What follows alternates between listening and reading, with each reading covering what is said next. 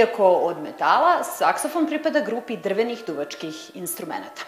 Izumeo ga je belgijanac Adolf Sachs i prvi put ga je predstavio 1841. godine i to velikom kompozitoru Hektoru Berliozu. Saksofon je veoma brzo osvojio svet muzike, ali je svoju najčešću primenu našao u džez muzici. A gde ovih dana možete uživati u zvucima saksofona, saznaćete ukoliko ostanete sa nama, jer govorimo o koncertima koji će biti održani u okviru zimskog masterklasa za saksofon. Šta nas očekuje na 51. Međunarodnom filmskom festivalu FEST, otkriveno na pres konferenciji održanoj u bioskopu Arena Cineplex.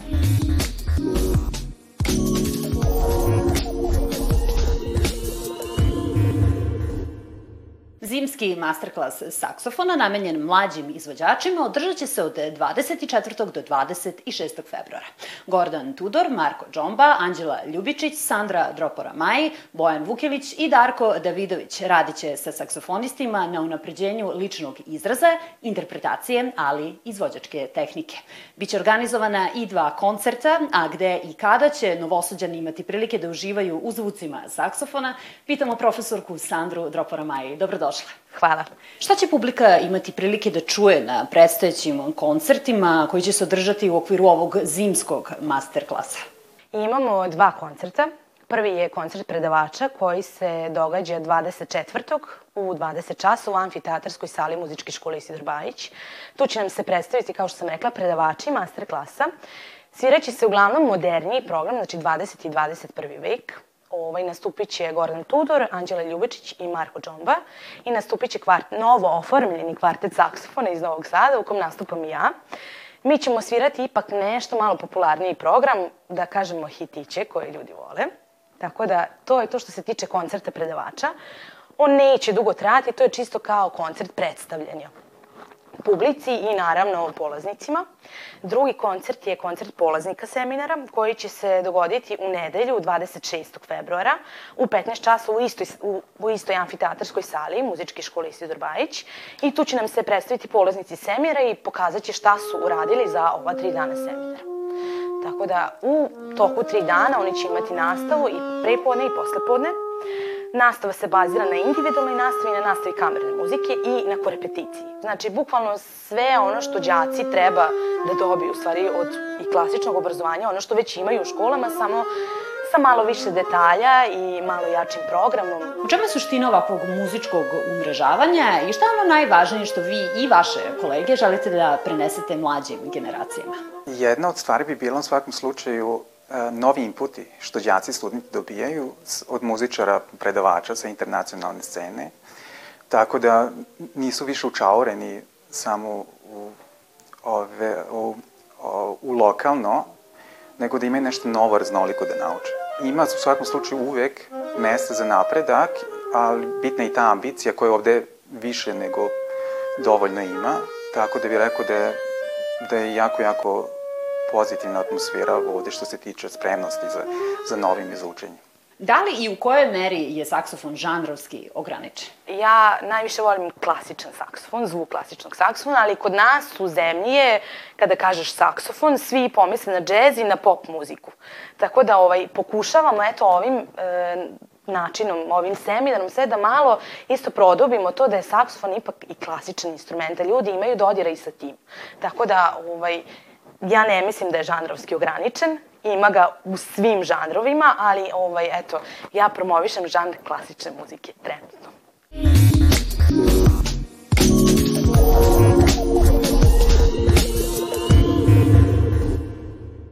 Pod sloganom Strast života, 51. Međunarodni filmski festival Fest počinje sutra u Beogradu, dok će od 25. februara do 5. marta i novosadska publika u bioskopu Arena Cineplex uživati u programu našeg najznačajnijeg festivala sedme umetnosti.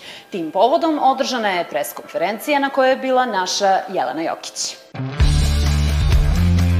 Na velikom platnu bioskopa Arena Cineplex u okviru ovogodišnjeg festa smenjivaće se glumački velikani kao što su Penelope Cruz, Kate Blanchett, Hugh Jackman, Rooney Mara, Anthony Hopkins, Frances McDormand i mnogi drugi, kao i poznati autori Todd Field, David Cronenberg, Sarah Polly, po čim ćemo filmovima pamtiti ovu sezonu.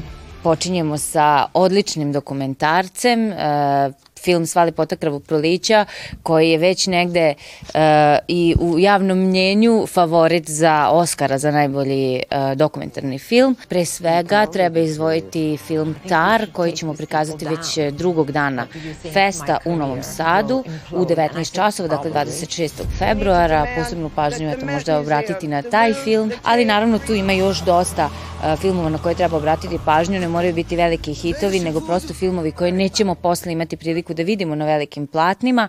Takođe, eto preporuka da istražite, pogledate program i pogledate baš ove filmeve, jer je fest često jedinstvena prilika za tako nešto.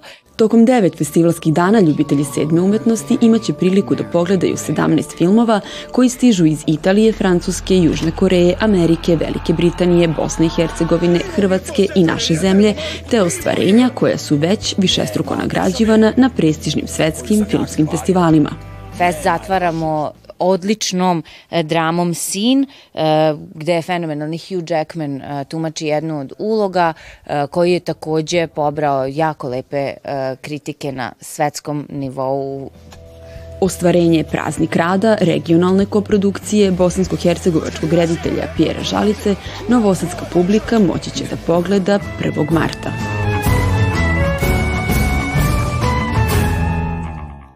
Jedan od filmova koji je naša preporuka za fest jeste dokumentarac Sva lepota i krvoproliće, koji je na 79. filmskom festivalu u Veneciji dobio Zlatnu glava.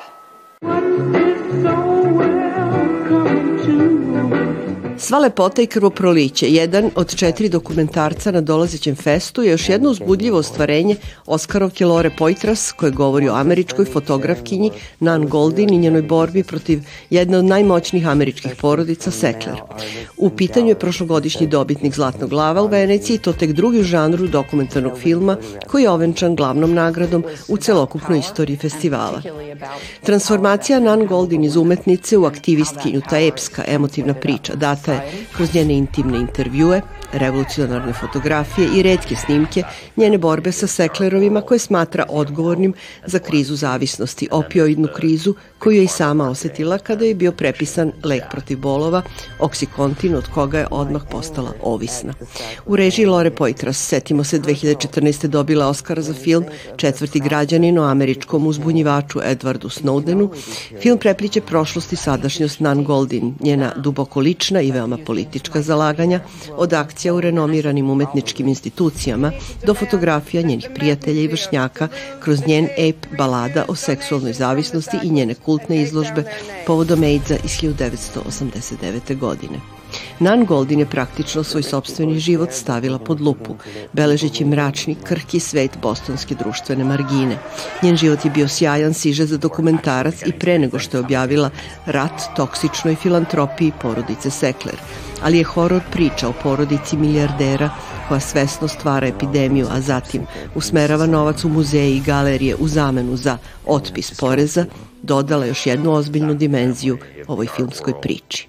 Ono što postaje kristalno jasno posle gledanja filma Sva lepota i krvoproliće je da strah nikada nije bio deo kako ličnog, tako ni kreativnog rečnika Nan Goldin.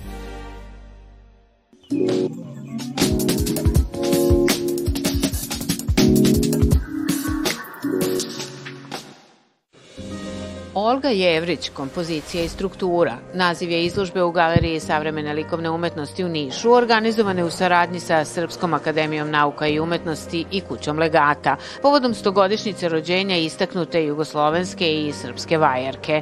Da se pred niškom publikom u ovom obimu a, nađu dela istaknute umetnice, da se mlađe generacije upoznaju, a neki možda a, podsete njenog rada i stvaralaštva. Olga Jevrić je umetnica koja je napravila prva radikalni raskid sa e, tom tradicijom koja je bila prisutna, da kažem, odmah nakon drugog svetskog rata i početkom 50. godina, sa tim socijalističkim realizmom. Vajarka, vajar, volila je da se oslovljava kao vajar, srpske i jugoslovenske moderne umetnosti. Predstavljala je jedan veliki iskorak u umetnosti kada je u pitanju abstraktna umetnost Opus Olge Jevrić spada u vrhunske domete naše i evropske moderne umetnosti druge polovine 20. veka. Prvi put je prepoznat na Bijenalu u Veneciji 1958. godine. Zbirka koju je umetnica zaveštala Srpskoj akademiji nauka i umetnosti dobila je 2015. godine status kulturnog dobra od nacionalnog značaja. Izložba Registrovani predstavlja zvučnu ekomapu Dunava u formi audiovizualne instalacije u prostoru u kojoj se korisnik, putujući kroz različite lokacije na obali reke, blisko poznaje sa ambijentom i prostorom. Korišćenjem autentičnih zvučnih snimaka toka Dunava kroz Vojvodinu, autorka Tijena Jevrić izdvaja najupečatljivije i ekološko-biološki najraznovrsnije lokacije na obali reke. Materijal koji koristi su originalni zvučni zapisi – Ti zvuci se potom transformišu u vizualno iskustvo, odnosno grafičke prikaze talasa vode, sa kojima je ovoga puta mogla da se upozna i kikinska publika u galeriji Tera. Tako je zapravo i nastao ovaj uh, rad koji ja zovem Velika arhiva, digitalna arhiva i zato se zove registrovan jer mislim da svi naši pokreti, sve mi što radimo je duboko negde zapisano i ne može se nikad obrisati. Istražujući okolinu, autorka doslovno arhivira ljudsko biće, ne kroz fizičke ostavštine ili materijalne zaostavštine, nego kroz beleženje i registrovanje milione neurona koji se konektuju i stvaraju iluziju govora koristeći snimke sa magnetne rezonance. Ljudi generalno misle da ono sve što napišemo, digitalnu poruku i tako dalje, što snimimo, što odemo na eto, rengenski snimak ili tako dalje, da to negde kao nestane, a zapravo nije tako.